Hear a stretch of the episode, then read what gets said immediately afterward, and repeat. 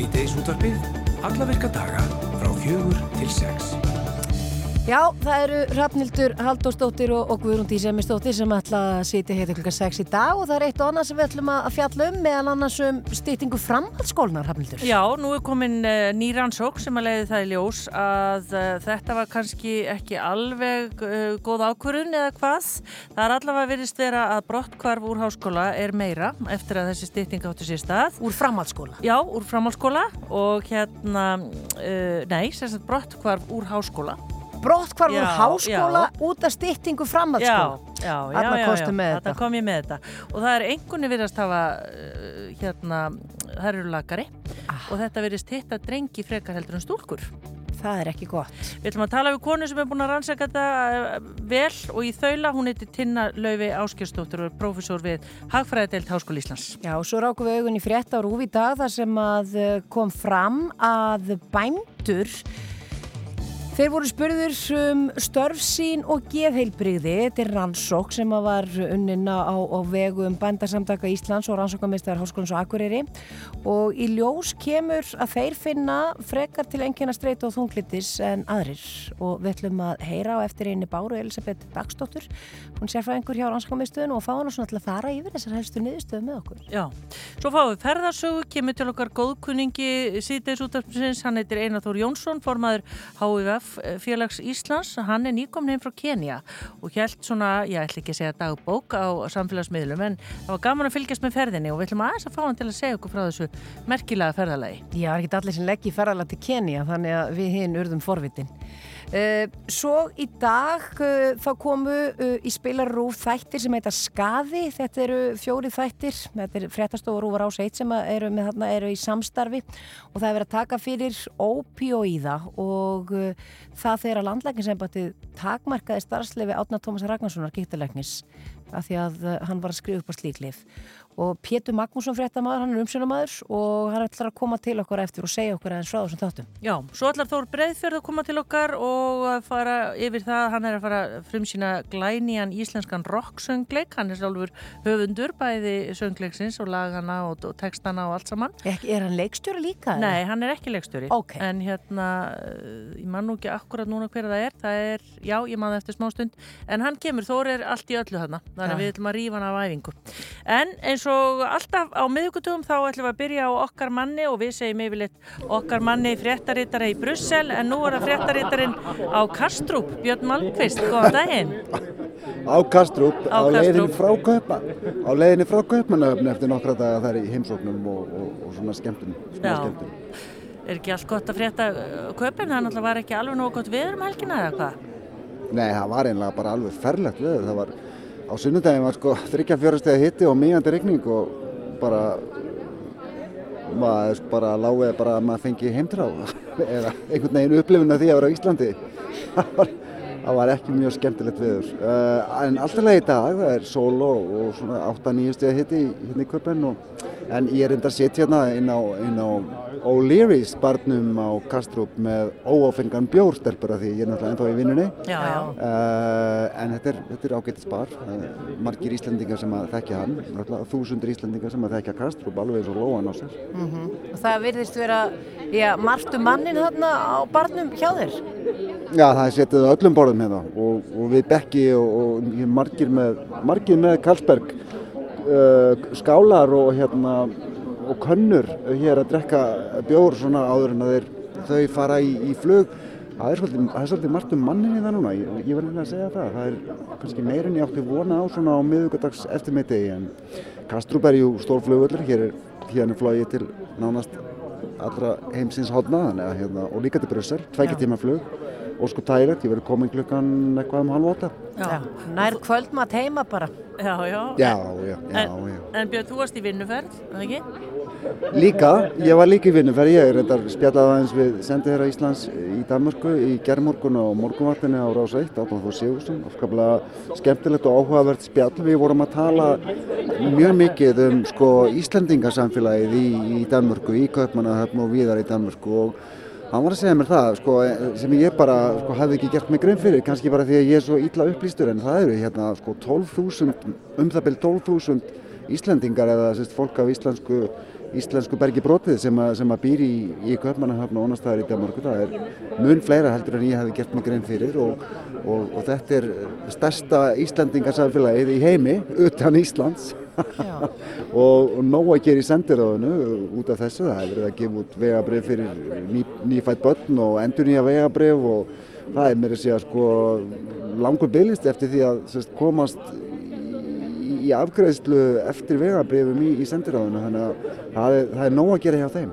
Já, það er alltaf vinsalt að, að já, fyrir Íslendinga að fara til Danmöku. Það er svolítið svona, það eru frændur okkar Danir, það er alltaf þetta.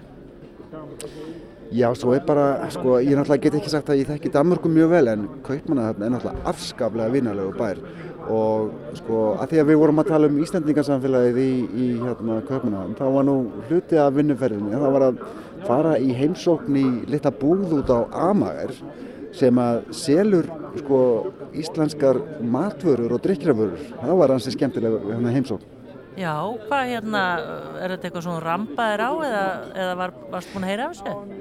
Ég var búin að heyra af þessu, svo, svo eru þau náttúrulega á netinu með heimasíðu og, og hérna þannig að ég sem sagt uh, ringdi og, og spurði hvort ég mætti koma í heimsókn og taka myndir og taka viðtal og og ég, það var nú það var náttúrulega bara sko auðsátt mál maður, þetta er svolítið spotti frá miðbænum maður tekur hérna metróinn nr. 2 uh, halva leið út á Kastrup og upp á Amaga eða sko niður á Amagaströnd og lappa svo út á ströndina og það er enda mjög gaman að vera út á ströndina. Það er svona skemmtilegi gangustígar og brýr yfir á lítil eiði sem eru þarna sund aðstafa þarna sem að semst, er út í sem að maður getur farið á synd í Eirasundinu og, og þarna eru flugvelar að taka lott fyrir sunnarmann og og, og hérna Eirasundsbrúin náttúrulega í öllu sínu veldi blasir við hann í nokkru kilómetra fjallag en, en sérst, vestlunum er hann á þessum slóðum og, og maður lappar hérna inn og það er bara, það er ekkert nema sko krakkar íslenskt namni uh, þú veist þristar og kúlusúk og Sirius súkulæðu, ég veit ekki hvað og hvað. Mm. það er,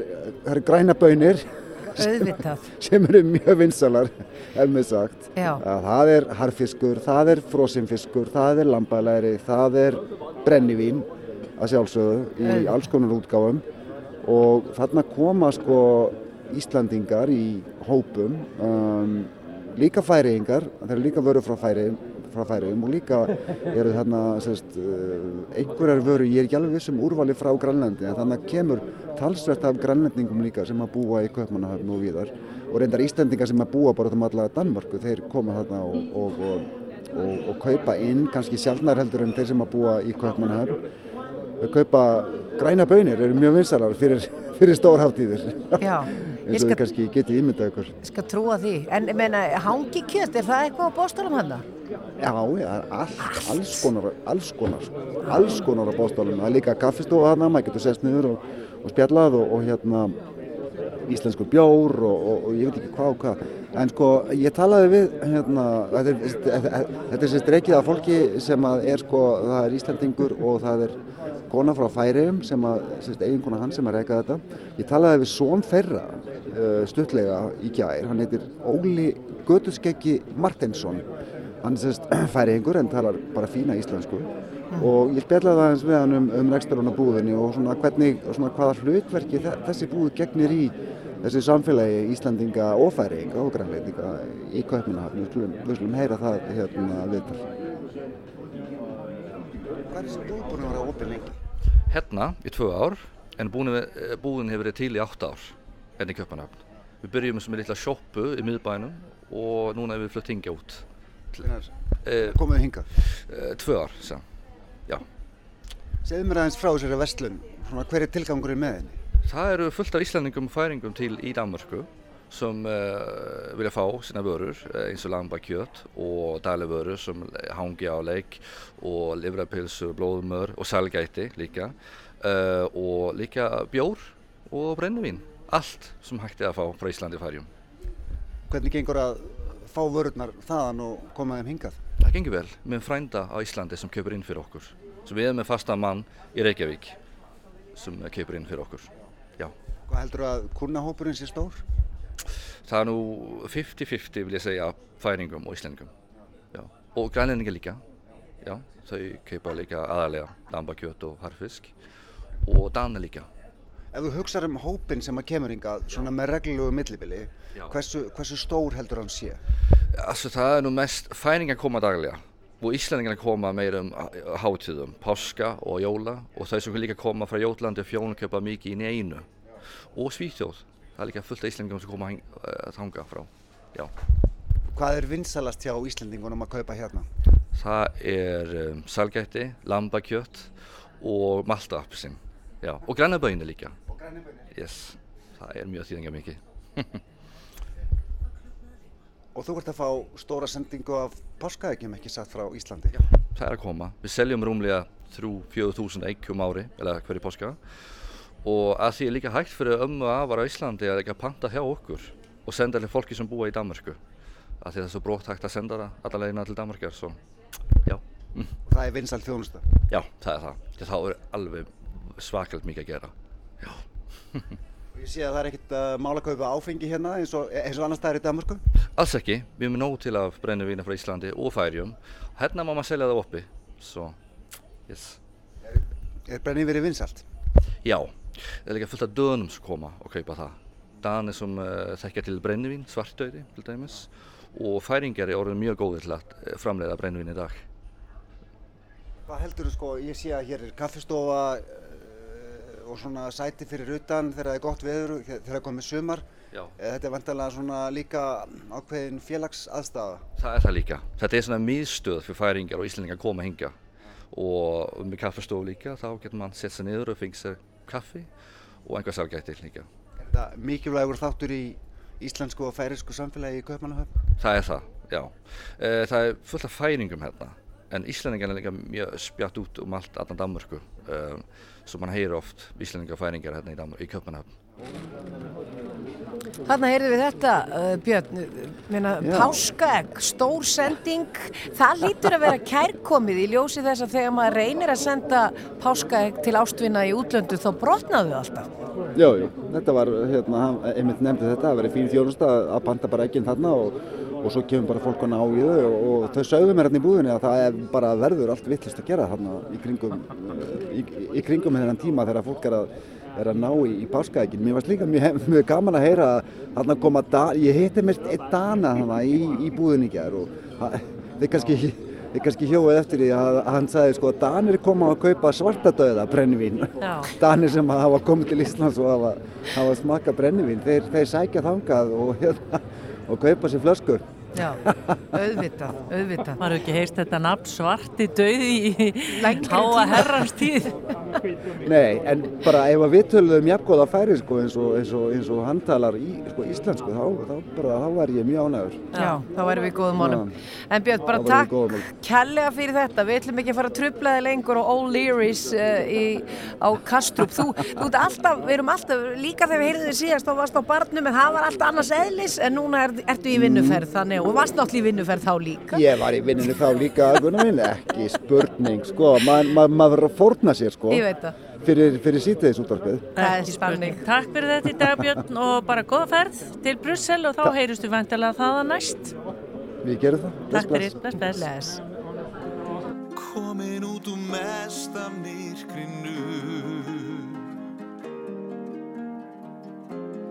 Vann mig út úr eigin sjálf heldur.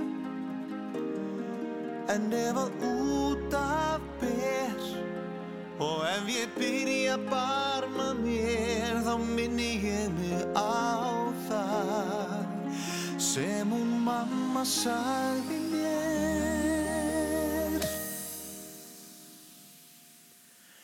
Líttu stendur þú með skuggan í baki Líttu upp í ljós Sem tekur burtu virkrið og hatrið Líttu upp í ljós. Jafnvel inn í gráu ský er sólskinið falið Líttu upp í ljós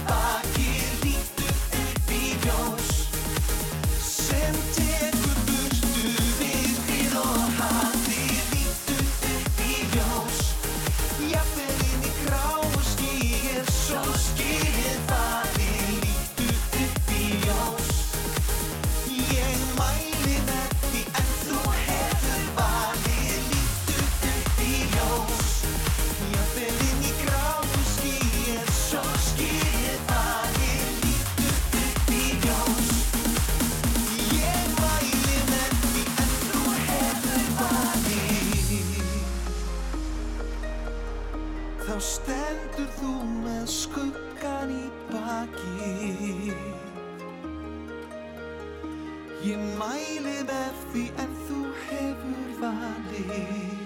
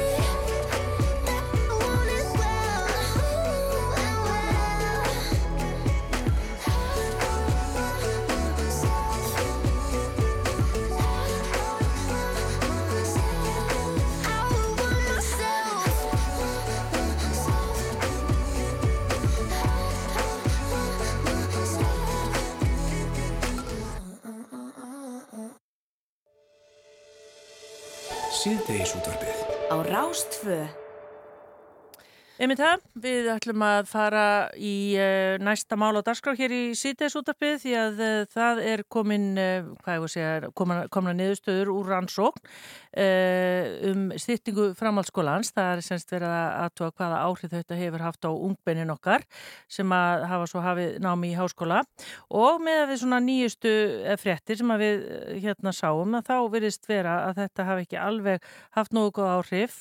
Það er að segja fjöldi eininga kenningar sem teknir í háskóla verðist hafa minkað, brottkvarf og engunir uh, hafa líka, uh, þetta hefur haft slæm áhrif á engunir og hingað er komin Tinna Lauvi Áskistóttir, professor við Hagfræðidelt Háskóla Ísland sem að rannsakaði þessi áhrif, það er að segja áhrif þessara styttingar framhalskólana Uh, ásamt Gilva Sóga professor og doktorsnefnum Gísla Gilvarsinni.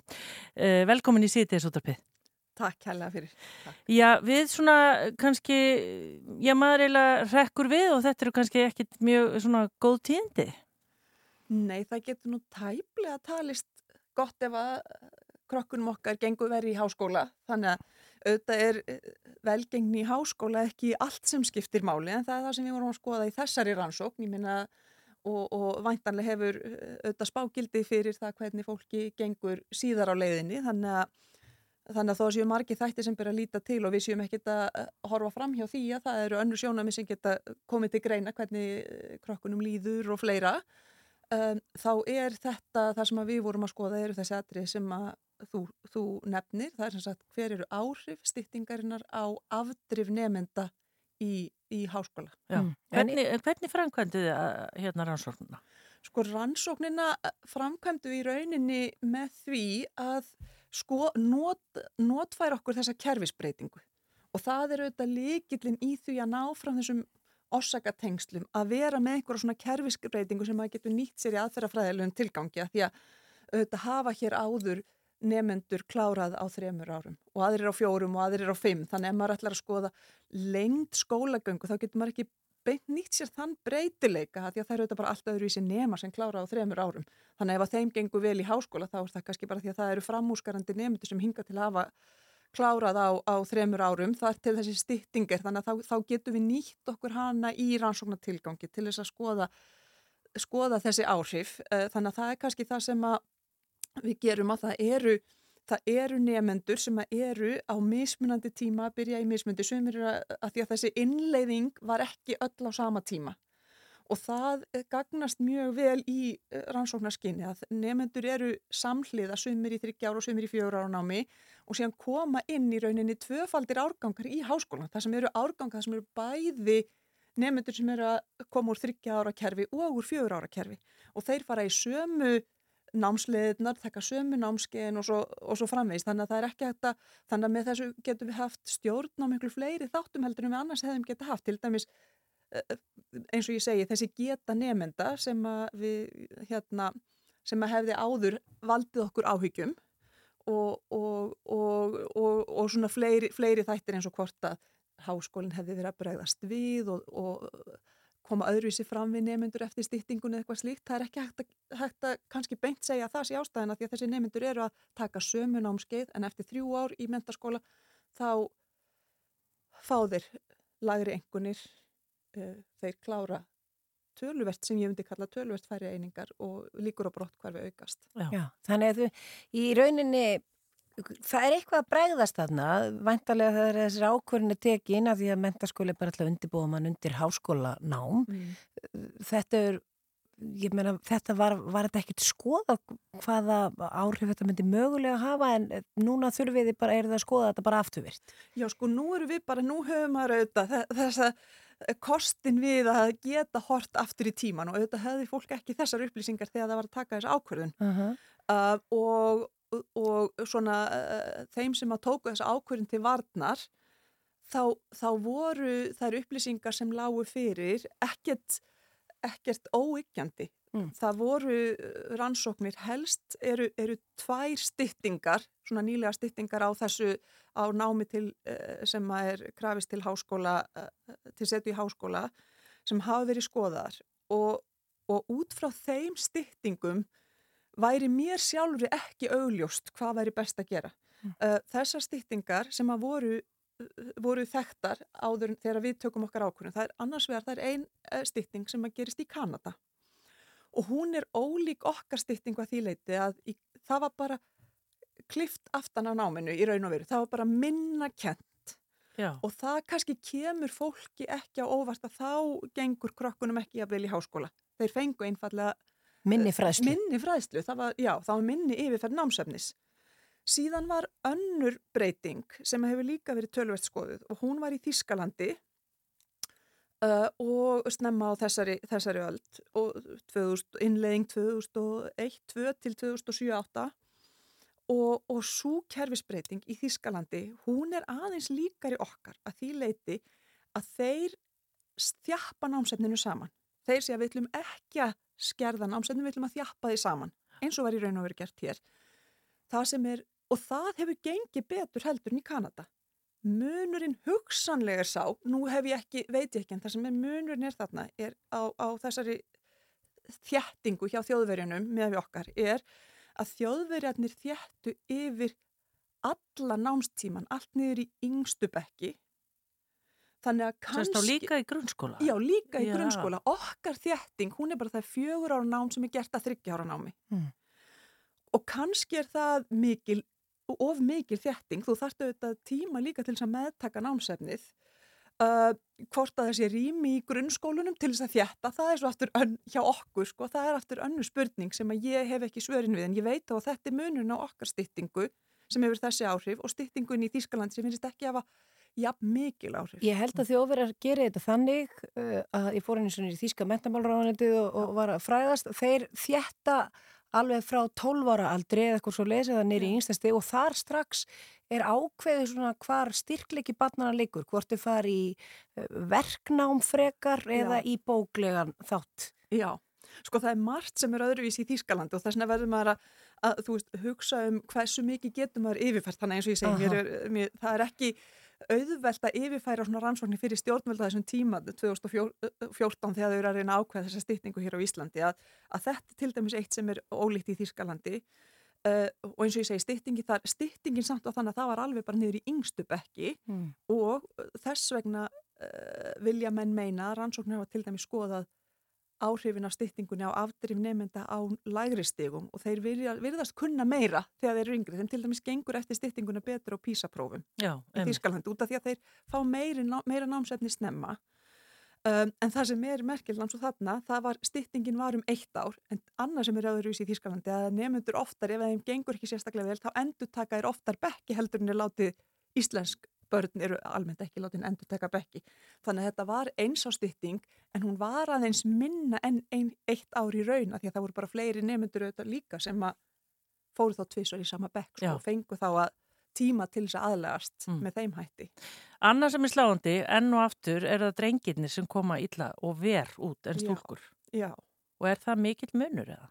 Já, það er tölverð munur. Þannig að, þannig að þetta í rauninni, þannig að það er drengirnir.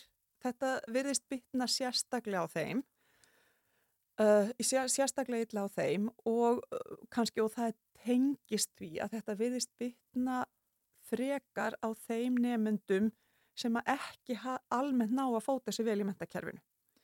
Þannig að duglugu krakkarnir sem að, þú veist, hérna fóreldrarnir bara segja blessa á mótnana og, og þurfa ekki að liggja yfir námsbókunum með þeim og það er náttúrulega ákveðin hópu nefnda sem að bara plumma sig uh, mjög vel. Styttingin hafði ekki kannski sérstaklega mikil og slæm áhrif á þennan hóp og auðvitað eru stelpur kannski við, eins og við þekkjum á þessum árum. Fleiri í þessum hópi. En, en þurfum við ekki að bregðast eitthvað við þessu? Við getum ekki bara haft þetta svona og, og hort upp á, einmitt eins og þú segir, Já, við hljótum að þurfa aðlega kerfið að börnunum en ekki öfugt. Já, er já. varðar það að eins og þú segir að þeir sem að plumma sig ekki sérstaklega vel í Nei. námi að þeir ég bara fari út úr framhaldsskóla og ekki í háskóla og svo framvegir. já, já. Já, og þetta hljótu við að hafa, myndi ég segja, áhyggjur af þeim hópi. Ég meina, sumir hafa sagt á Íslandi, sko þannig að í- þessa niðurstu sína að það er að verða meiri dreifing og manni, maður kannski hefur áhyggjur af því að hún er að verða á stað í dreifingunni þar sem síst skildi. Mm. Það væri hvað öðru- áttu við þá meiri dreifing? Me, me, sko, meiri dreifing á því hversu vel krökkunum gengur í háskólanum. Veist, að, að það var jafnara þegar við vorum í fjögur ára kerfi Mhm. og, og, og svo dreifing er ekki að aukast sem að ég held að sumir hefðu kannski auðvitað væri minna vandamáli ef það væri allt í einu fleiri núna sem ná að skara fram úr eða eitthvað slíkt en það eru þessi viðkvæmi hópar sem að kannski verum sérstaklega að að missa aðeins tökin á. Já. En verður bara rétt í lokin, verður ekki að gera svo aðra rannsókn sko að því ég hugsa með mér getur verið að þeir nefndu sem að bara þekki ekkit annað núna en stittri framhaldsskóli Mhm. að þeir munu í framtíðinni pluma sér betur bara því að þeir eru búin að undirbúa sér kannski fyrir þessa breytingu að Jú, það nefnilega gæti verið og þess vegna, og mér finnst mikilvægt einmitt að halda því til haga, svo að sé líka sko aðeins, svo maður síni aðeins sko þessar, þessu fólki sem að stóði í þessum breytingum sangirni að þá eru við að bera saman í þessari rannsókn fjögur ára kerfi sem hafi verið í mjög langan tíma og var rótgróið við ný innleitt þryggja ára kerfi. Þannig að kannski ná menn betur tökum á þryggja ára kerfinu með tímanum ég kann ekki að segja, það væri náttúrulega ge- getur verið að hérna, en það, þá erum við komin í miklu erfiðar í sko rannsóknar aðstöður, það er miklu erfiðar að svara þeirri spurningum með réttmætum hætti eins og við erum að Já. gera, því að við höfum þessi rannsóknartækifar sem við erum með nefnendur á sama tíma í háskólanum og svona, þannig að við erum ekki með við værum ekki með jafn gott rannsóknarstnið Nei. til þess að skoða það En, en kemur til greina að kann þetta lengra niður í eins og tíunda eða níunda bekk varandi það hvort þetta sé að auka kvíða eða streitu hjá nefnendum að þeir verða að standa sér vel til að komast inn í einhvern ákveðin framhanskóla til þess að geta gert þetta á þreymur árum á þreymur Já, árum? það mætti alveg hugsa sér það. Já, ég, þú veist, við höfum ekki gert það, þannig að ég er ekki með svörin við því. Mm Við reyndum að svona bregða byrtu á hvað, hvað, hver gæti verið ástæðan. Nú verð ég eins og uh, okkur nú oft þegar hérna að vera að slá varnagla og svona. Nú er ég búin að segja ímislegt sem að ég held að við getum staðið mjög vel við. Það er annað sem við erum að uh, sko, reyna að kreista meira út úr gögnunum okkar, þannig ég myndi ekki segja að það séu mjög uh, fastar niðurstöður en við reynum að svona bregða byrtu, kannski mætti frekar orða og ákveðna þættu um af hverju þetta er. Og það sem okkur var svo lítið hugleikið var að hvaða marki er þetta hreinlega námsefnið í mentaskólum sem að skiptir máli að þetta þau bara ná ekki að meðtaka þetta námsefni með sama hætti uh, og að hvaða marki er þetta kannski líka það að þau eru þá yngri þau byrja í, í Háskóla. háskóla. Og allir sem hafa alið upp ungling vita að það er mjög margt sem gerist á hverju einasta ári í, í þroska, þroska unglings. Og, og þannig að við, þú veist, eins og ég segi, þannig erum við svona, ég myndi kalla þetta við sem að reyna að bregða byrtu á þetta, en Já. okkur virðist sem að það séu, það sé kannski bæði í gangi, að það, þau hafa gott af því að vera í rauninni innan þessa kerfis, en það er líka aldrun sem skiptir máli, þannig að þau ná að kannski smá hluta að vega þetta upp líka með því að vinna í eitt ár eða þú veist, heimsreisan eða hvað það nú er sem þessi mörg börn gera Já, það er bara í Í eitt þroska. í það, af því að þá náði að þroskast, það er ekki eins og ekkert gerist á slíku ári. Mhm. uh, áhugavert. Uh, er þetta að sjá að því var leitin á Háskóli Íslands vefnum ykkar áðan, uh, hvar er Já. þetta að sjá niðurstöðnar? Sko, það er, uh, það er sem sagt, pappir, hann er á, á, á netinu, uh, þessi pappir, hann er sem sagt í ferli, í ferli hjá tímariti, þannig að hann er ekki komin á netið pappirinn hjá tímaritinu en, en, en það er sem sagt, fyrri útgáfa er, er á netinu. Áhugavert, Tinna Laufey Áskjörstóttir, professor við Hagfræðidelt Háskóli Íslands. Takk hérlega fyrir komin í síðdeis útvarpi. Takk hella. Þú ert að hlusta á síðdeis útvarpið á Rás 2.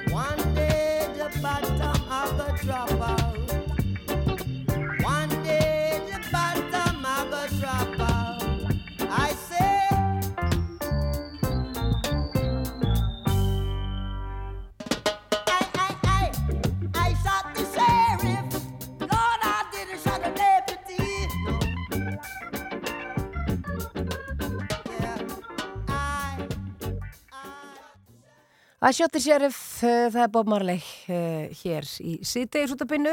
Uh, við rákum augun í það á vef rúf í dag að ný rannsók bendi til þess að bændur finni freka til engina streitu og þunglindi sin aðris. Þetta eru bændarsamtök Íslands og rannsókumista Háskólans og Akureyri sem að stóðu fyrir rannsókninni með styrk frá byggða rannsóknarsjóði og fengu bændur til þess að svara spurningum störfsinn og geðheilbriði.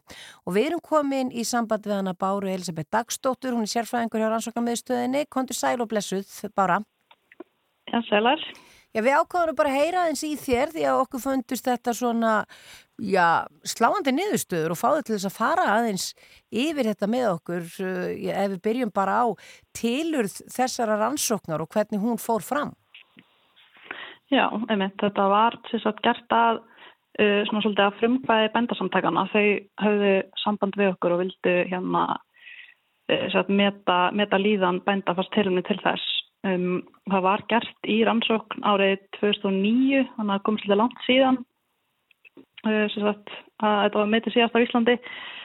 Uh, og við ákvaðum að sækjum styrk á byggastofnun og fengum hann. Þannig að já, þá hérna við gerðum þetta þannig að við lögðum sagt, fyrir netkönnun uh, fyrir þá alla bændur sem voru með hérna, skráð netfang hjá bændarsamtökunum og fengum á endanum uh, svona rúmlega 500 svör sem við gáttum nota í rannsókninni og notum svo til samanburðar hérna gögn úr rannsókninni heilsa og líðan Íslandinga sem að landlæknir stendur fyrir uh, og þau gögn eru sett frá 2022 þannig að bændagögnin eru hérna gögnin sem við öflum þessar rannsókn og svo notum við þessi gögn frá landlækni til samanburðar. Já, og er bara talsverðu munur þarna á hvað hérna, bændum líður verð? Það er allavega svona engum munur, kannski ekki eitthvað rosalega mikill, en, en við skoðum þetta líka sagt, því að hvarðin sem við notum, það er þetta flokka einkennin eftir svona alvarleika. Og við skoðum sagt, þá hérna flokkana eðlengjenni og svo væga mjölungsengjenni og svo alvarlega mjög alvarlega engjenni og Og það kom allavega í ljósa því að bændur eru svona líklega þá til að flokkast með væg miðlungs eða þá alvarlega mjög alvarlega enginni heldur heldur en þessi samanbyrðar hópur sem við vorum með. Þannig að, þannig að það er allavega svona einhverja vísmyndingar um að, hérna, uh, að bændur sé að upplifa hans meir enginni þunglindi þessu streitu heldur en, heldur en svona aðrir. Mm -hmm. eh, að þú talaður um það, þetta hefði síðast verið gerð, svona svipur rannsókn verið 2009, báruði þá saman þessar tvær rannsóknir og hefur þá geð heilsu eða geð heilbreyði bændastjættarinnar hefur henni rakað hvernig er það? Já, sko þessi rannsókn frá 2009 þau notuðu aðeins hérna öru segi uh, hvarðaheldur en við vorum að nota núna þannig að það er ekki svona beint hægt að bera saman veist, tölunar en, en hún benti til þess að bændur hérna hefði minni merki um svona geðheilbreyðsvanda heldur en uh, svona fólk almennt þannig að Þannig að þetta er svona, já, svolítið öll sem niðurstöði núna heldur en, heldur en árið 2009. Mm. En voru þið að skoða bændur já, eða út frá starfsstjætt, það er að segja, sögðabændur uh, sér og svo kúabændur sér, eða var þetta bara svona heilt yfir sami listi sem fór á alla og ekkert endilega verið að hólfa þá niður? Já, þetta var bara svona heildar, bara svona til þess að fá svona yfirleitt yfir stöðuna, hann við vorum ekki að hérna, skipta, skipta sem er út í búgrunum eða eitthvað svoleiðis núna en það væri hérna alveg áhugavert líka að skoða það sko í framhaldinu en, já, þetta var mér bara svona eh, almennt, almennt yfirleitt. Já. já, en bara rétt svona í lokin eru gefnar einhverja ástæði fyrir því hversugna þeir finna freka fyrir streitu eða þunglitið, er þetta greint eitthvað þannig? já, menn það væri áhugavert að skoða það betur en þetta var svona meira svona, svona samantækt og yfirlit og hérna uh, já, skoðum ekkert sérstaklega ástæðanar og líka líka því að eins og svona það er svona sálfræðileg uh, hugtök og svona líðan og svona það er svona margt sem getur haft áhrif þannig að það er pínu erfitt að ná utanum það í svona einni rannsókn þegar við ætlum líka bara svona að taka saman en, en svona erlenda rannsóknir uh, á hérna líðan bænda hafa svona varpa ljósi á einhverjum svona áhrifaþætti og það hafa verið fjárhagsáhyggjur, vinnuálag, einangrun og svo hlutverka tókstreita því að bændur eru svolítið svona alltaf í vinnunni, þú veist, svona óljós skil kannski á milli engalífs og, og vinnu hjá bændum. Mm -hmm. Og við skoðum reyndar hérna líka nokkra spurningar um vinnu, vinnu umhverfi uh, og bárum það saman hjá bændum og, og hérna sambróknum og það var komið ljósa bændur hérna uh, upplifið frekar að hafa of mikið að gera og alveg svona stór hluti bænda taldi sig uh, yfirleitt bara, já, nánast alltaf hafa of mikið að gera og það var alveg komalega fram svolítið mikill munur á því hjá bændum og, og svo sambróknum. Já, maður getur ímynd að sér að vinnudagurinn sé langur hjá bændum. Já, einmitt, einmitt. Já, þetta er ekkert eitthvað verkefni bara sem mætir ekki átt og fær fjögur. Nei. Það er alltaf næg verkefni og eitthvað sem það er að gera. Uh, já, eins og þú segir, það væri áhugavert að, að taka eh, þetta eitthvað lengra og gera aðra rannsókn á, á því og, og hvernig, hvers vegna þetta er. En bara Mhm. takk kærlega bara fyrir að segja okkur aðeins frá þessu og, og, og hérna, við bara sendum bara áttu kveður á alla bændur, Bára Elisabeth Dagsdóttir, sérfræðingu hjá rannsóknarmiðstöðinu. Takk kærlega. Takk fyrir mig. Já, bless, takk. bless. bless. Já, við ætlum að fá ferðarsögu frá Kenya hérna á eftir, við ætlum að tala við Þór Breiðfjörð og svo ætlum við líka að uh, gera hvað, við ætlum að heyra af nýjum hlaðvarpstáttum uh, og uh, umfjöldun í, í Kastlösu kvöldsins, það eru þættir sem heita Skaði og Pétur Magnússon fréttamaður ætlar að koma og segja okkur aðeins frá því. Ég hugsa um sjálfa mig og spyr Er mig kannski að dreyma? Hef ég álpast inn um dyr Og ekki enda heima þessum vagni Ég ringi fer um rangan veg Og hef ekki til stafni. Mér er ítt í margar áttir Vil bara allir séu sáttir. En kannski tugar það ekki til Verða að hugsa um sjálfa mig. Lengi vel hef ég leitað að mínum samastað En svarið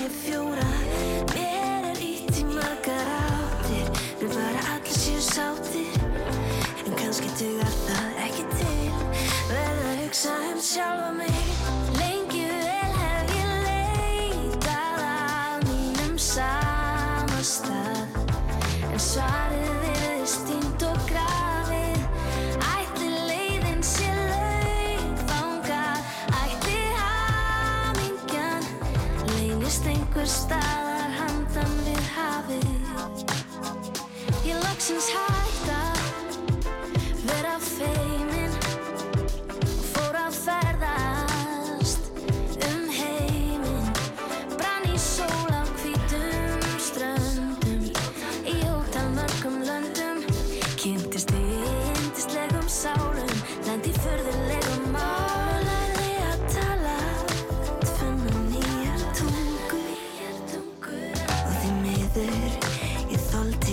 tungur og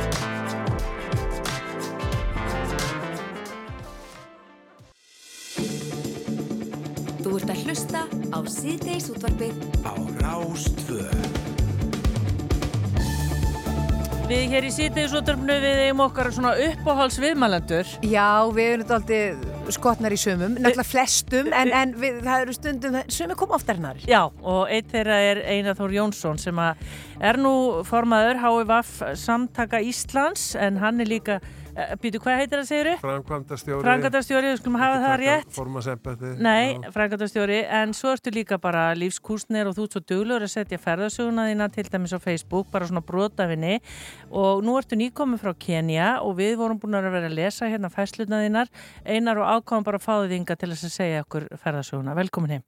Takk. Já, bara fyrstulega, var þetta skemmti ferðið? Hvernig, hver er ástæðin fyrir þú ákvæmst að fara til Kenya? Já, þetta, já, takk fyrir þessa skemmtilegu kynning á mér hérna. ég, hérna, ég hef sjálfur svo gaman að ferðasögum. Og, og, og, og að ferðast og á Facebook sko þegar fólk er að ferðalögum út í heimi og tekur myndir og postar og segir svona frá mér staða lang skemmtilegustu fæslunar sko. Já. Ég hef nú verið svona reynd að gera þetta sjálfur núna á mínu ferðalögum setna áriðin.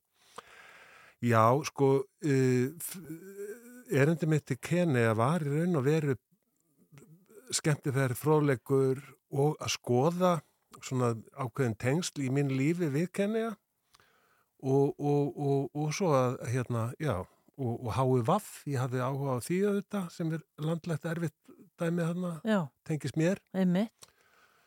En, og hjálparstarf og allt þetta sko já. og náttúrann fallega á dýrin og svona. En, en tengslinn?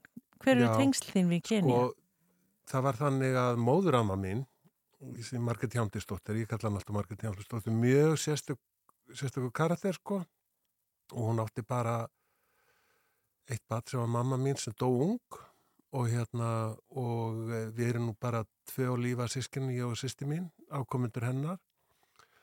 Ég hafði kannski löngsa að alltaf fara að segja frá henni Margret Hjándisdóttir en þarna á í byrjun tíunda áratugurins fyrir rúmið 30 árum þá þegar hún að stað með það að gefa eigur sínar til hjálpastarfa og hún stendur fyrir mjög myndarlegri byggingu á Storri kirkju þarna út í, í Pókot út í Kenya og byggði líka skóla, barnaskóla sem heiti Marketaskóli og vass, lagði vassleðslur og gerði greiðala bara myndarlega hluti þarna Já, af, þetta, af, af hverju Kenya? Af hverju var það já, fyrir valið? Já, ég held að það verið í tengslu við að hún sem sagt kynntist uh, kristnibóðasambandinu hérna heima. Og þetta var kristnibóðasambandi hér í, á Íslandi sem að sá um þetta. Og ég sem sagt núna í ferðinni þá var sem sagt uh, Kjartan Jónsson hérna prestur. Hann var að fara út í Kenya og þá voru nokkur einstaklega með honum í þeim þeirri ferð. Og það var farið sem sagt og ég heyri af þessu Og ég var alltaf á leiðina sem ég get nú sagt frá eftir að hitta hann Óla sem er eitthvað munaðilegski heimili þarna upp við Viktoríu vatn sem er alveg hennu með eins sko. Og eða það er, já og, uh, og það er, mörg þess að stáfa fjákvæða börn munaðilegs uh, og ég allavega einhvern veginn heyra þessu og ég hafi verið út í bandaríkjana fyrir jólinn en þetta gerðist allt frekar með litlum fyrirvara. Og ég dett inn í það að ég fer með þeim út þannig byrjun hérna januar og er þarna lunga af januar mánuði og, og, sagt, og þá er það ég fer og skoða þetta sem að Margit Jánstedt hafi staði fyrir og það var alveg ótrúlegt ferðalag og við gistum í kristnibóða sambandsbúðum þannig pókot, kerðum flugum til Nairobi frá London og, og kerðum síðan þarna uppi til pókot sem er landsvæði þarna og, og þarna voru, semst, norska kristnibóðasambandi hafi staðið þarna fyrir miklum miklum, miklu hjálpastarfi og, og, og hérna og sem sagt trúbóða vinnu sem sagt, bara í áratugunum á 20. á síðustu Já. og það var mjög merkjöld að skoða þetta allt og kynnast þessu og hvað þetta fólk sem að köllun eða bara mission, missionari hafði lagt á sig þarna árum áður til að geta verið í Kenya þú veist það var allar aðmagnaði sími eða lagnisastöðu vega kerfið eitt eða neitt svona erfitt að inn í hvað fólk þurft að gera sko til að vera þarna en ok. Ég sérst er þarna með í þessu og, og við skoðum og ég sérst fæ að sjá kirkuna hennar Margreðar ömmu og, og, og, og skólan sem hún lit byggja líka. Og fólki þarna, það er bara með hana sko, hennar minning, hún fór þarna sjálf. Hún er, hún, hún er nú dáin fyrir, fyrir hún dó semst 2007 og, nei, fyrir ekki 2006 og hérna og, og þetta var og, og fólk myndi eftir hennar og hún var eins og eins og hún væri bara í dyrlingatölu Mm.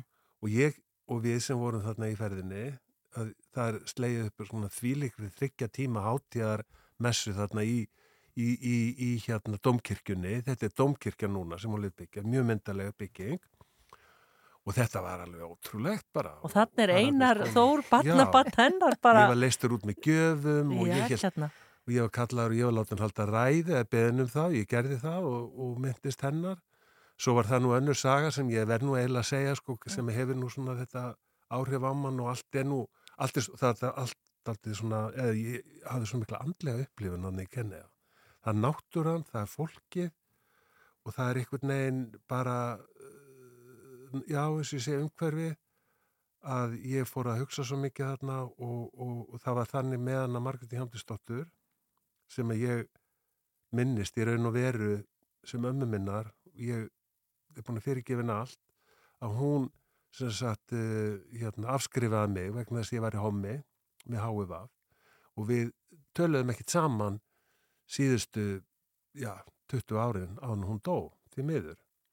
Svo er ég komin þarna og hennar er minnst með þessum hætti og hún gerði svo sannlega gagnið sín líf. Hún var alveg einstu kona, mjög uh, sterk og, og mjög ákveðin og hörð og, og hún hérna var svona svo sjálfsöguð og hún kendi mér gríðilega margt og mamma sem sagt er mjög ung og ég ólst upp út á landi og sýsti mín Bólungarvík og hún var hér og hún hafði nú átt alveg ótrúlega svona fjölsgrúðu æfi, átti nú ykkur að nokkra eigimenn held ég og var síðan skipt Erlendi Haraldsinni prófessor og þau voru mikið í svona andlegur eh, vegferð í lífinu og, og skoðuðu margt þannig að fyrir mig þá var þetta ákveð uppgjör. Já. Bara svo ég leifi því að fylgja með hérna. Mér finnst að maður verði að Og segja þessi söguna fyrirgefning, hún hefur nú bara, þetta er Já. alveg ótrúlega stert. og, og, og, þarna, og, hún- og ég bara, veist að mér fór að dreyma hana og ég hugsaði svo mikið um hana menn ég var þarna úti.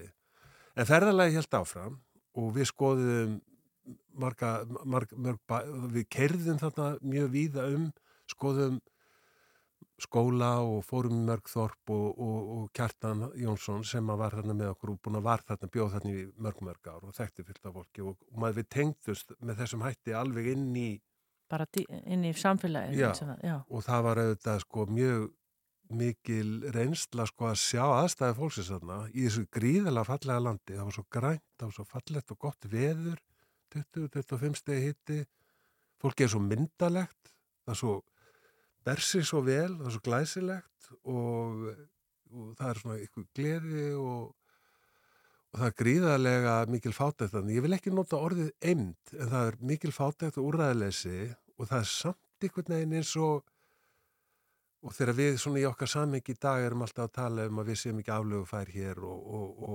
og, innviðir sér henja því að það sé hvað fólk að koma og allt þetta, maður bara hugsa þarna þannig vegakerfið mjög takmarkað og, og, og heilbriðskerfið eins og það er og ég reyndi það sjálfur vegna þess að ég vektist alveglega þarna á síðustu í síðustu vikuna ég- þegar ég var í Kenya fekk semst malari og taugaveiki og þurfti að fara á spítala og þannig í kring voru bara geitur og, og hænur að gangandi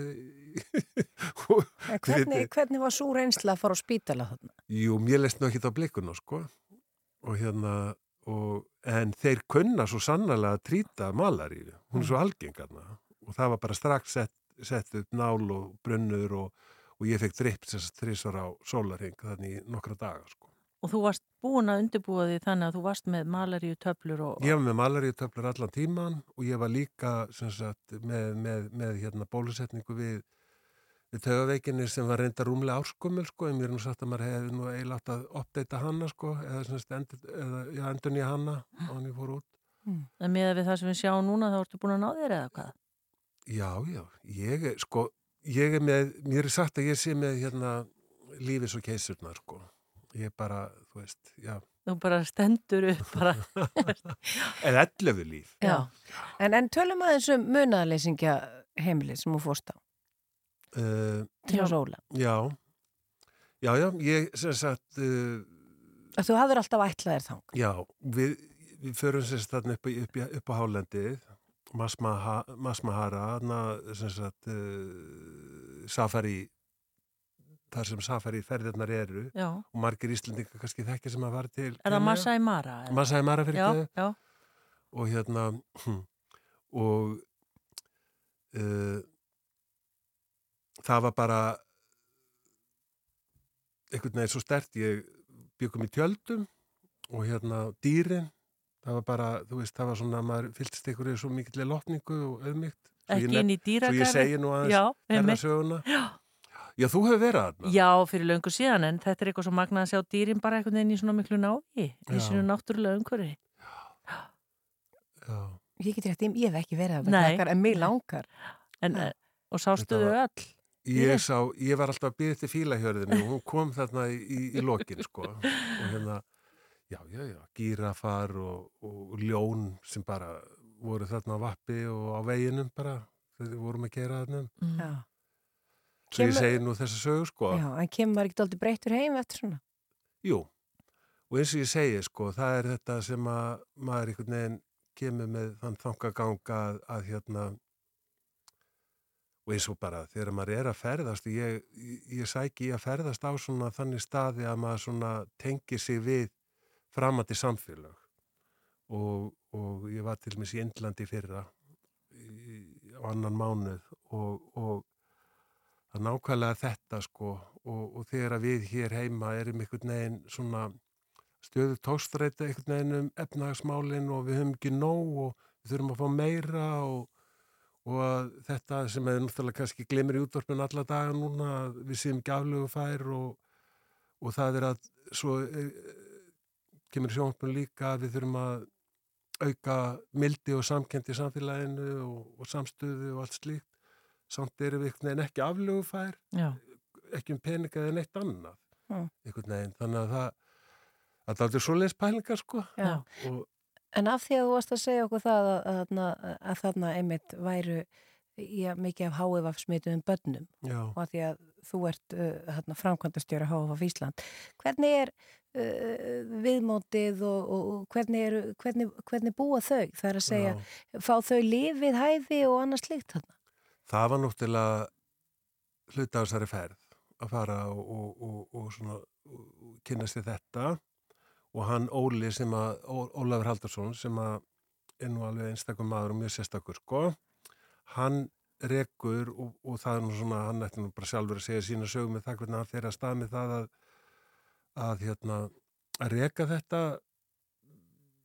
munaðleyski heimili og uh, það eru bara mjög mörg barnana þarna að háfa fjákvæðið og þetta svæði þarna, við, við flögum til Kirsimi, ég og vinkonum minn, frá, frá Nairobi og, og eh, sko, ég er náttúrulega fylgst með því svona með, í, í þessu svona alþjóðlega samstarfi sem við tökum eitthvað þátt í að sagt, það, það hefur verið gert gríðarlega mikið átaki í því á síðustu árum að koma fólki í þróunaríkjum sem er með HVF á, lif Mhm. og þau kos- kosta þetta mikið þessi lif og, og þessi fátæku fátæku samfélag hafa ekkert haft tök á að sinna þess almennilega. Þannig að svona alþjóða samfélag hefur tekist og, lifja fyrirtækis og þau megin og eiga eitthvað það hefur verið gert mikið í því og þessi börn þarna öll eh, sagt, er á lifjum en það er samt alls konar erfileikar sem stefja að og skortur á fræðslu og þekkingu það er mikið það er mikill ótti við þetta og, og, og það er náttúrulega fordumur og stigma þarna líka svo annar staðar og margt fólk það sinnir hefur ekki vita því að sinna sinni heilsu eða fara í próf. Svo dánartíðinina úr alnæmi er ennþá háð þarna og margir sem eru með HFF og vita ekkert af því. Og bara núna á dögunum þá var að deyja í mitt barnarna á heimilinu hjá Óla uh, 8-9 ára komur stelpa. Mm. mjög sorglegt sko. Þannig að eh, já. Ég því miður sko ætlaði nú að vera mikið svona virkar í því að kynna mér þetta allt saman og skoða þetta. Ég skoðaði þetta nú eins og ég gata þarna í kringum Óla. Ég er bara fárveikur þegar ég flýga þarna upp þetta, sko. Mm.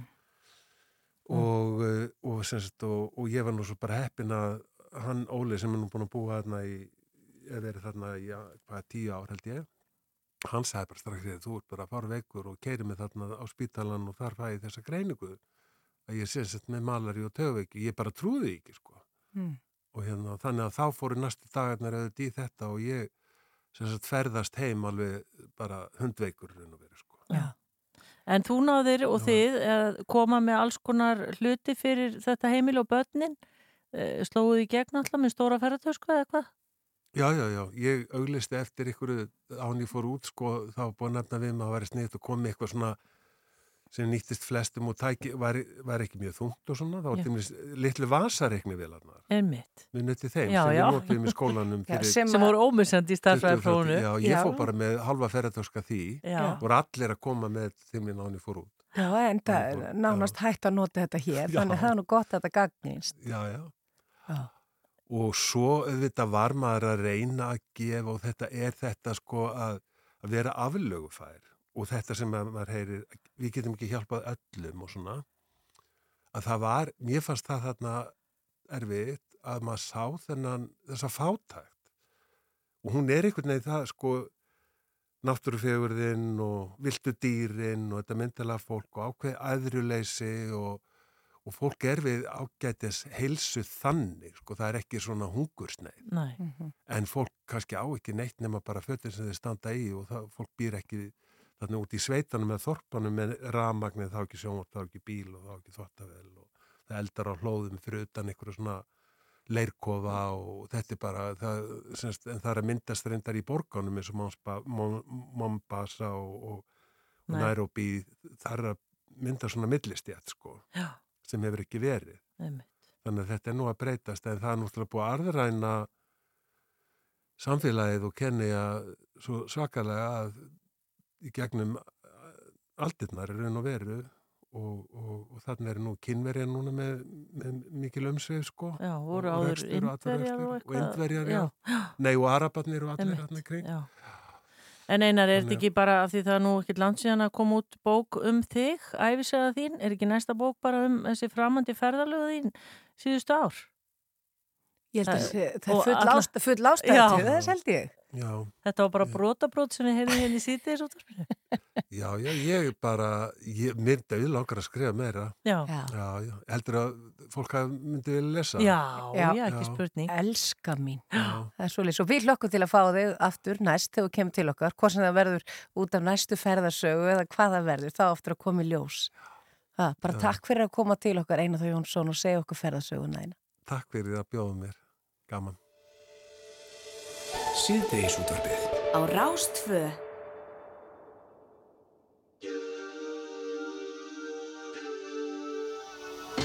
Til hvers að vakna og sakna? Til hvers ef ekkert mun batna?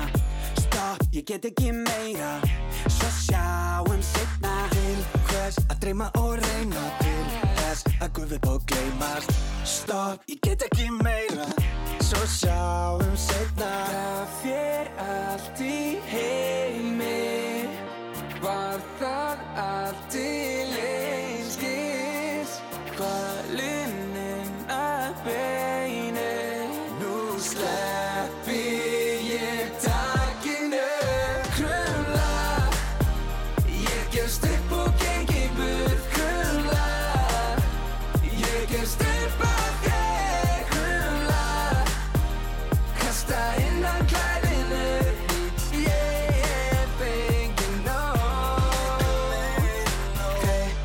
mér fastar og fastar og hjálp, ég get ekki anda Stopp, nú er þetta búið, ekki aftur snúið gullni bóknir og beigðir, veist ekki hvað þetta meiðir.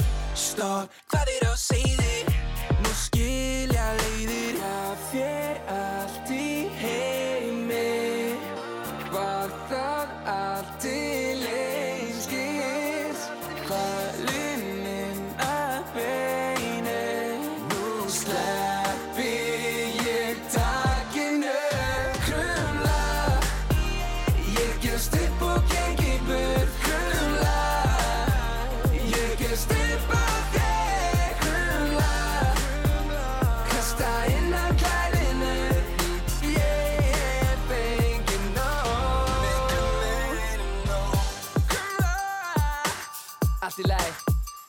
klukkan er Það er danstími. Ok, ok. Sjá þessi spór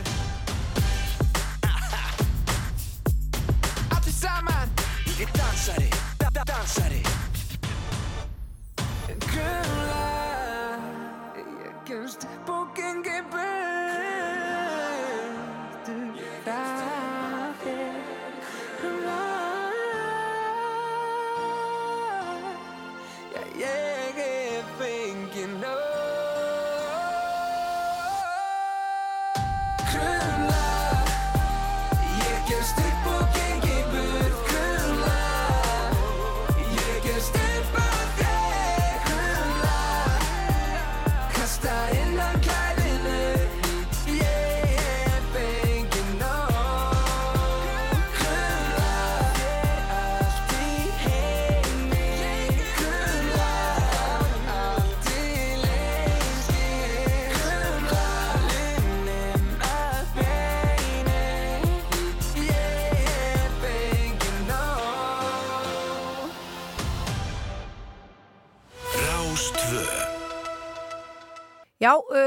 þá ætlum við að fara úr því að tala um Kenia og ferðasögu Einars Tórs yfir í að tala um uh, rock-söngleik sem að heitir Hark og við erum komið manningað sem að hefur þetta aldrei mikið að gera þessa dana en við ákvæðum samt að fá hann yngað svona bara í örstutt spjallum þetta er hann Þór Breiðfjörð, kontur sæl og blessaður. Hæ, takk fyrir að heyri mér.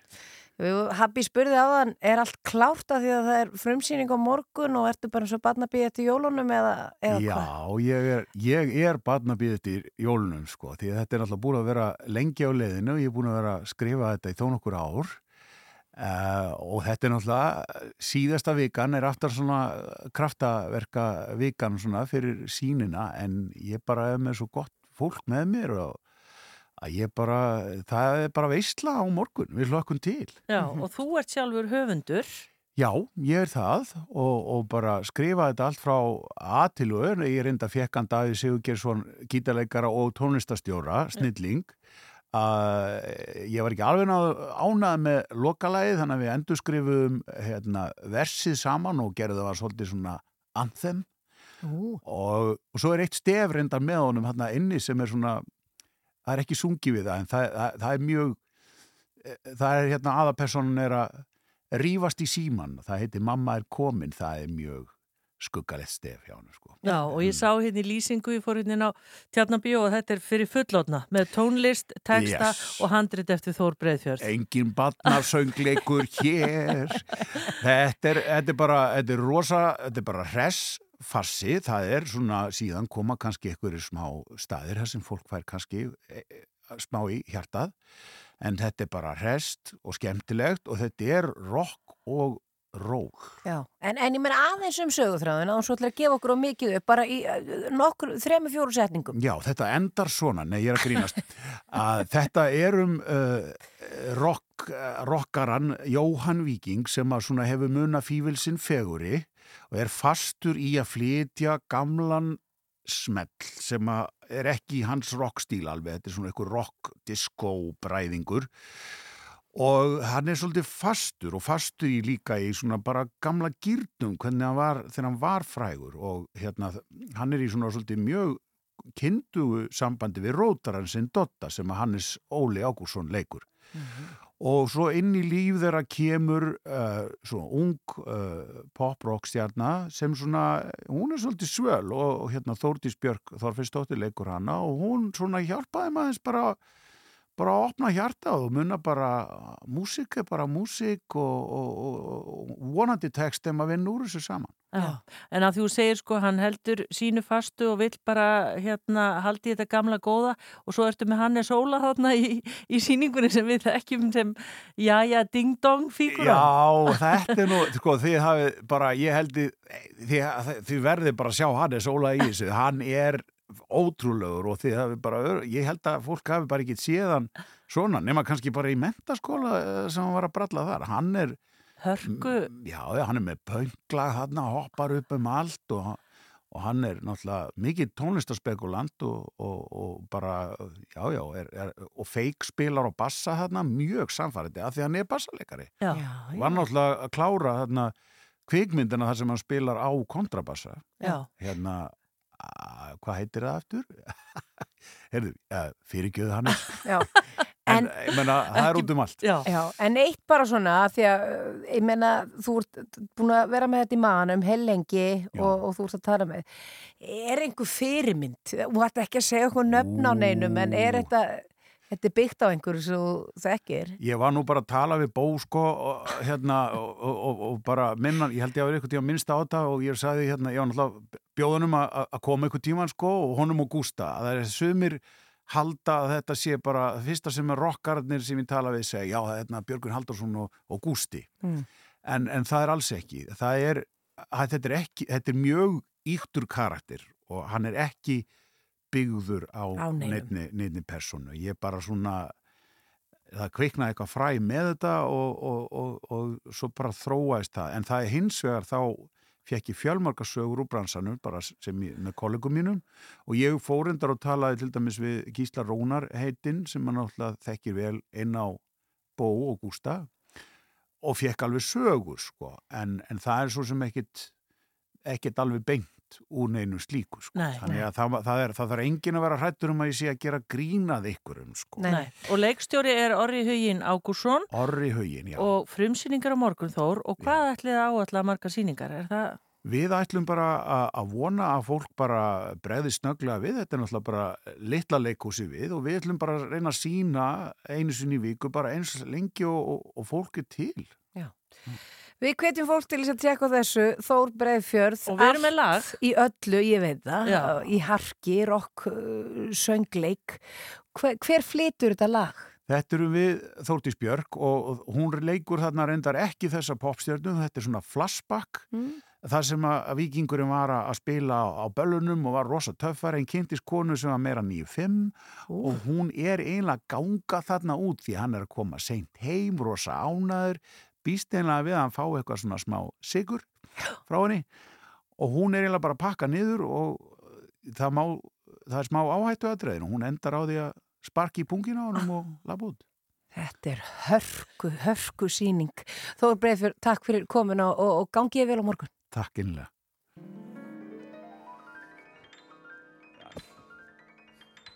Hei, sæðarskan! Víkingurinn er komin heim. Liðið var að tapa sér í stuð og fílingi. Ansi margar hefðu viljað bytta vikingi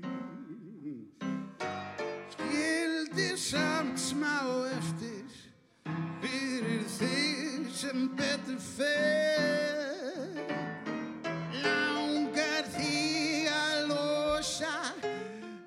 sylgjuna hjá mér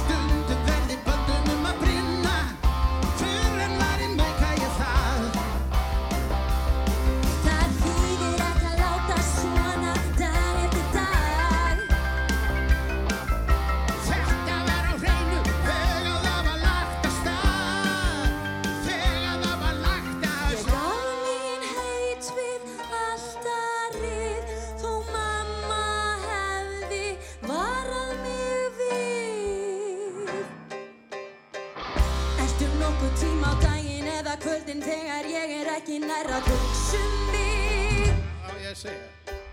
Því það læðist að mér akka lítið grunur að þú hugsið bara um þig Svo nei, kæri eigin maður, takk, kæri eigin maður, farðu Já, svona segðu bara, segðu það? Nei, það er fyrir neðan mína virðingu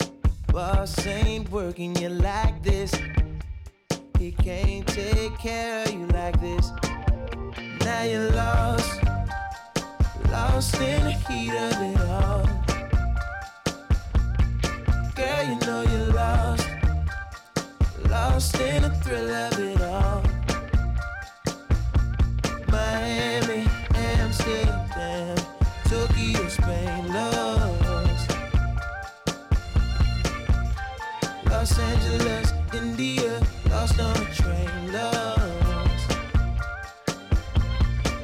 Got on my buttercream silk shirt and it's Versace. Hand me my triple A so I could weigh the work I got on you, girl. No, I don't really wish, I don't wish the titties were sure. No, have I ever, have I ever let you get caught? No. Lost, lost in the heat of it all. Girl, you know you're lost, lost in the thrill of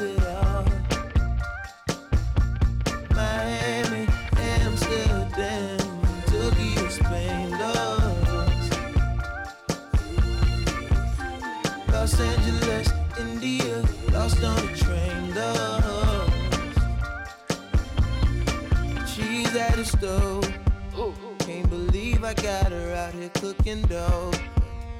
Cooking dough. I promise she'll be whipping meals up for a family of her own. Someday, nothing wrong, nothing wrong, no, nothing wrong with the lie. Nothing wrong with another short plane ride through the sky. You and I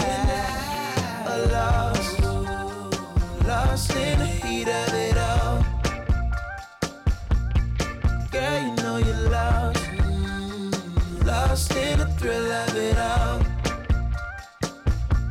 Miami, Amsterdam, Tokyo, Spain, lost. Los Angeles, India, lost on a train, lost.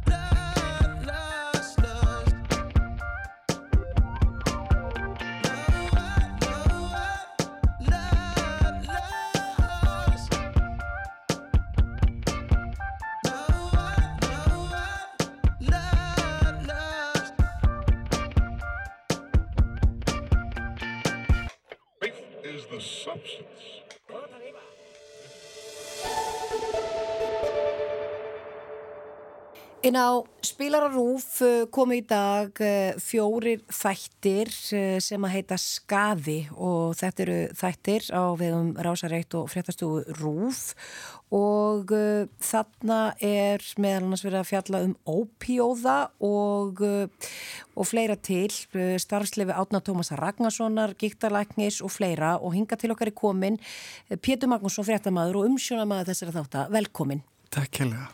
Eh, Ég farð þú aðeins yfir þetta eh, með okkur. Það eru komin hérna fjóri þættir skaði. Hvað ertu nákvæmlega að taka fyrir þarna? Jú, þessi umfjöllun hefsta miklu leiti í desember. Ég hefði áður verið að fjalla mikið um þessi svona vímöfna máli breyðumskilningi um, um, um aukna nótkun ópíóiða og, og svona aukið vægi skaðamingunar í þessari, þessari vímöfna umræðu og hafði byggt mér upp smá tengslanett einstaklingar sem, sem starfa innan þessa málflokks en, en eru kannski hluti á hann um annan hátt og notendur vímöfna og fólk sem hefur verið að nýta sér þá þjónustu sem er í bóði og þannig í desember þá, þá fæ ég uh, bara helling af símtölum. Þá virkjast þetta tengslanett mitt og, og ég heyri að uh, bara á mjög mörgum sviðum samfélagsins he- hefur fólk miklar áhyggjur af ákvörðun landlæknis að svifta þennan tiltekna lækni starfslefinu eða þá, þá uh, takmarka leifjans á þann hátt að hann getur ekki lengur skrifað út leif. Hann hafði þá, þessi læknir, Árninn Tómas Ragnarsson, verið um árabil að skrifa út morfinlif, dagskamta af morfinlifin fyrir einstaklinga sem eru mjög svona, þungri vímuöfna neyslu. Þannig að hans skjólstæðingar gáttu þá farið í apotek á hverjum degi og náð sér í dagskamt af efninu sem þeir eru háðir og nota það bara síðan á þann hátt sem eru vilja. Í flestum tilfellum var það með að leysa þessi lifi upp í vatni og spruta þeim í æð. Þetta taldi Árni vera skada mingandi og hann, hann að, og heldur því fram að þetta hafa haft mjög góð áhrif á hans skjólstæðinga. Ég tala líka um marga skjólstæðingar og þau hafa mjög góða reynslu af þessu en uh, þetta er ekki gaggrind aðferð og ekki samþygt og í samræm við reglugerðir sem gilda um, um uh, svona meðferðir og þess vegna ákvað landlæknir að stiga inn og ég sérst í þessa núna næstu þrjá mánuði hef ég verið að fylgja þessari atbyrður ás eftir sem hófst þegar Árnum Tómas uh, var sviftur leifinu. sem sagt og þú ert þá að tala við hans skjólstæðinga sem að í dag fá ekki þessi lif. Jó, sko, margir þeirra hafa nú þegar mist þessa skömmtun.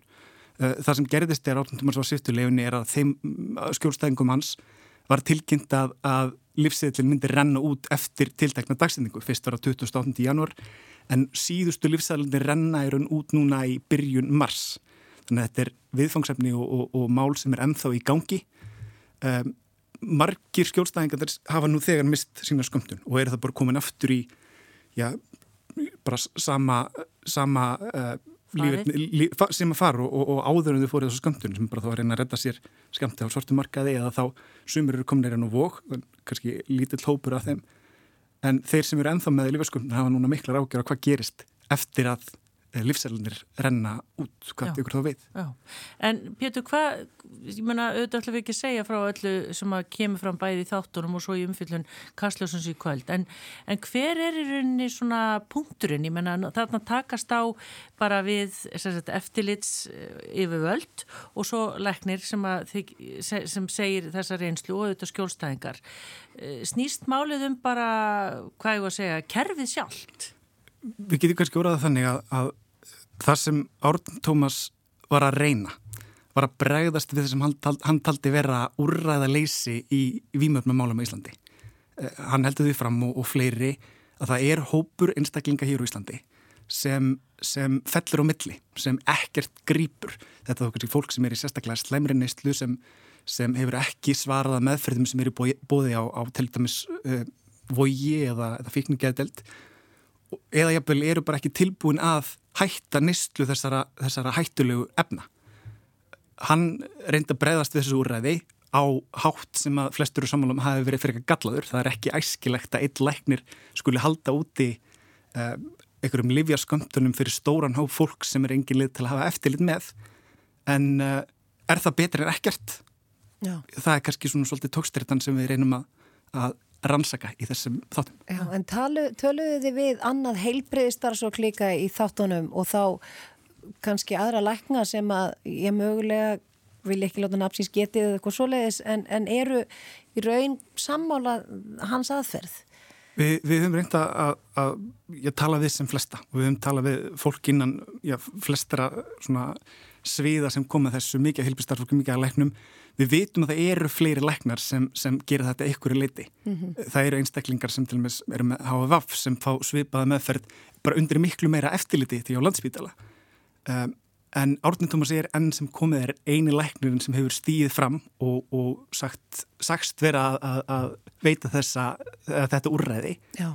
Uh, við veitum að það eru fleiri en, en hann líka verist að hafa verið uh, ég sá læknir sem var með hvað flesta var með hvað umfangsmesta aðgerð og þar að leiðandi tók landlæknin til aðgerði gegn þessum tildæknilegni Já, sem hafði það, það í förum sér að hann er búin að missa lækningalefið Já, hann er búin að missa hluta af því, hann getur ennþá læknað, Já. hann getur ennþá tekið á mútið sjúklingum, hann er giktarlæknir þannig að hann, hann er svona mjög, mjög reyndur og, og hérna giktarlæknir hefur tekið á múti með 20.000 sjúklingum. Og hann getur haldið fram að taka á múti sjúklingum og, og veitum eitthvað meðferð, hann getur ekki skrifað út verkjalif, hann getur ekki skrifað út ja, kvíðalif eða svepplif eða annað slíkt þannig að þetta er uh, já, svona takmörkun á leifinu frekar en svifting alferð. Já. Já. Og það verður fjallað um, eða verður umfjöllun um þetta mál í kastljósi kvöldsins, bara strax á loknum fréttum og íþórtum og, og, og veðri. Já, og svo inn á spilararúf. Já, skaði, fjóri þættir sem að koma inn í dag. Pétur Magnússon, bara takk kærlega fyrir að koma til okkur og segja okkur frá þessu og ég hlakka til að lusta. Bara takk fyrir mig.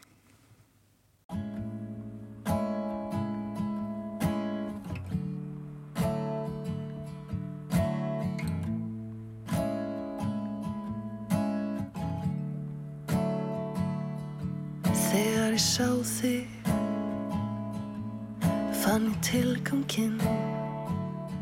Augna bleiki frósi þú ert allur heimurinn. Ég finn frið þínu fangi. Ég verð þar alla tíð. Nú ég skil þú ert lífið sem ég hef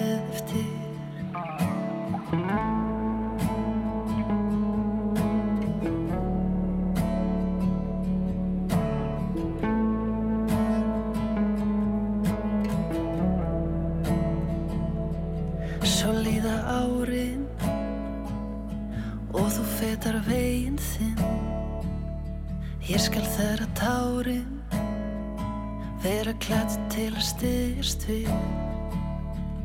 Ég vona sólinn skíni á þig. Hvert skrifa leiðinni Þú veitir að það dimmir alltaf áður. En það byrstir til Frá morgni dags til sólalags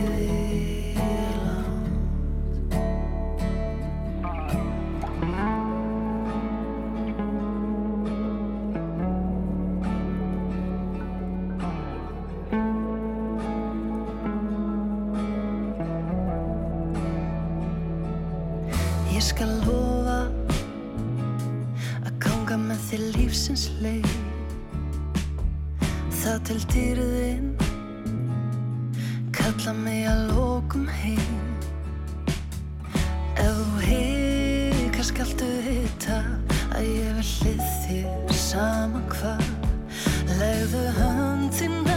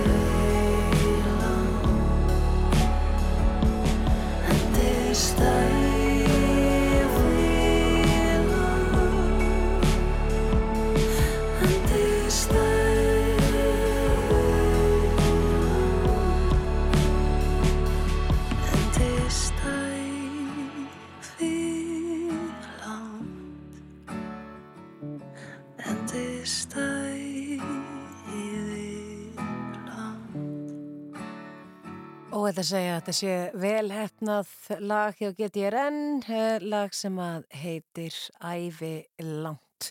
En síðdeis út af byggð verður ekki lengra að þessu sinni. Við verðum að sjálfsögðu hérna á sama tíma á morgun. þakkum ykkur bara kærlega fyrir samfélgina og, vonum að þið njóti kvöldsins. Þetta er Bríett og uh, lag sem að heitir Fimm.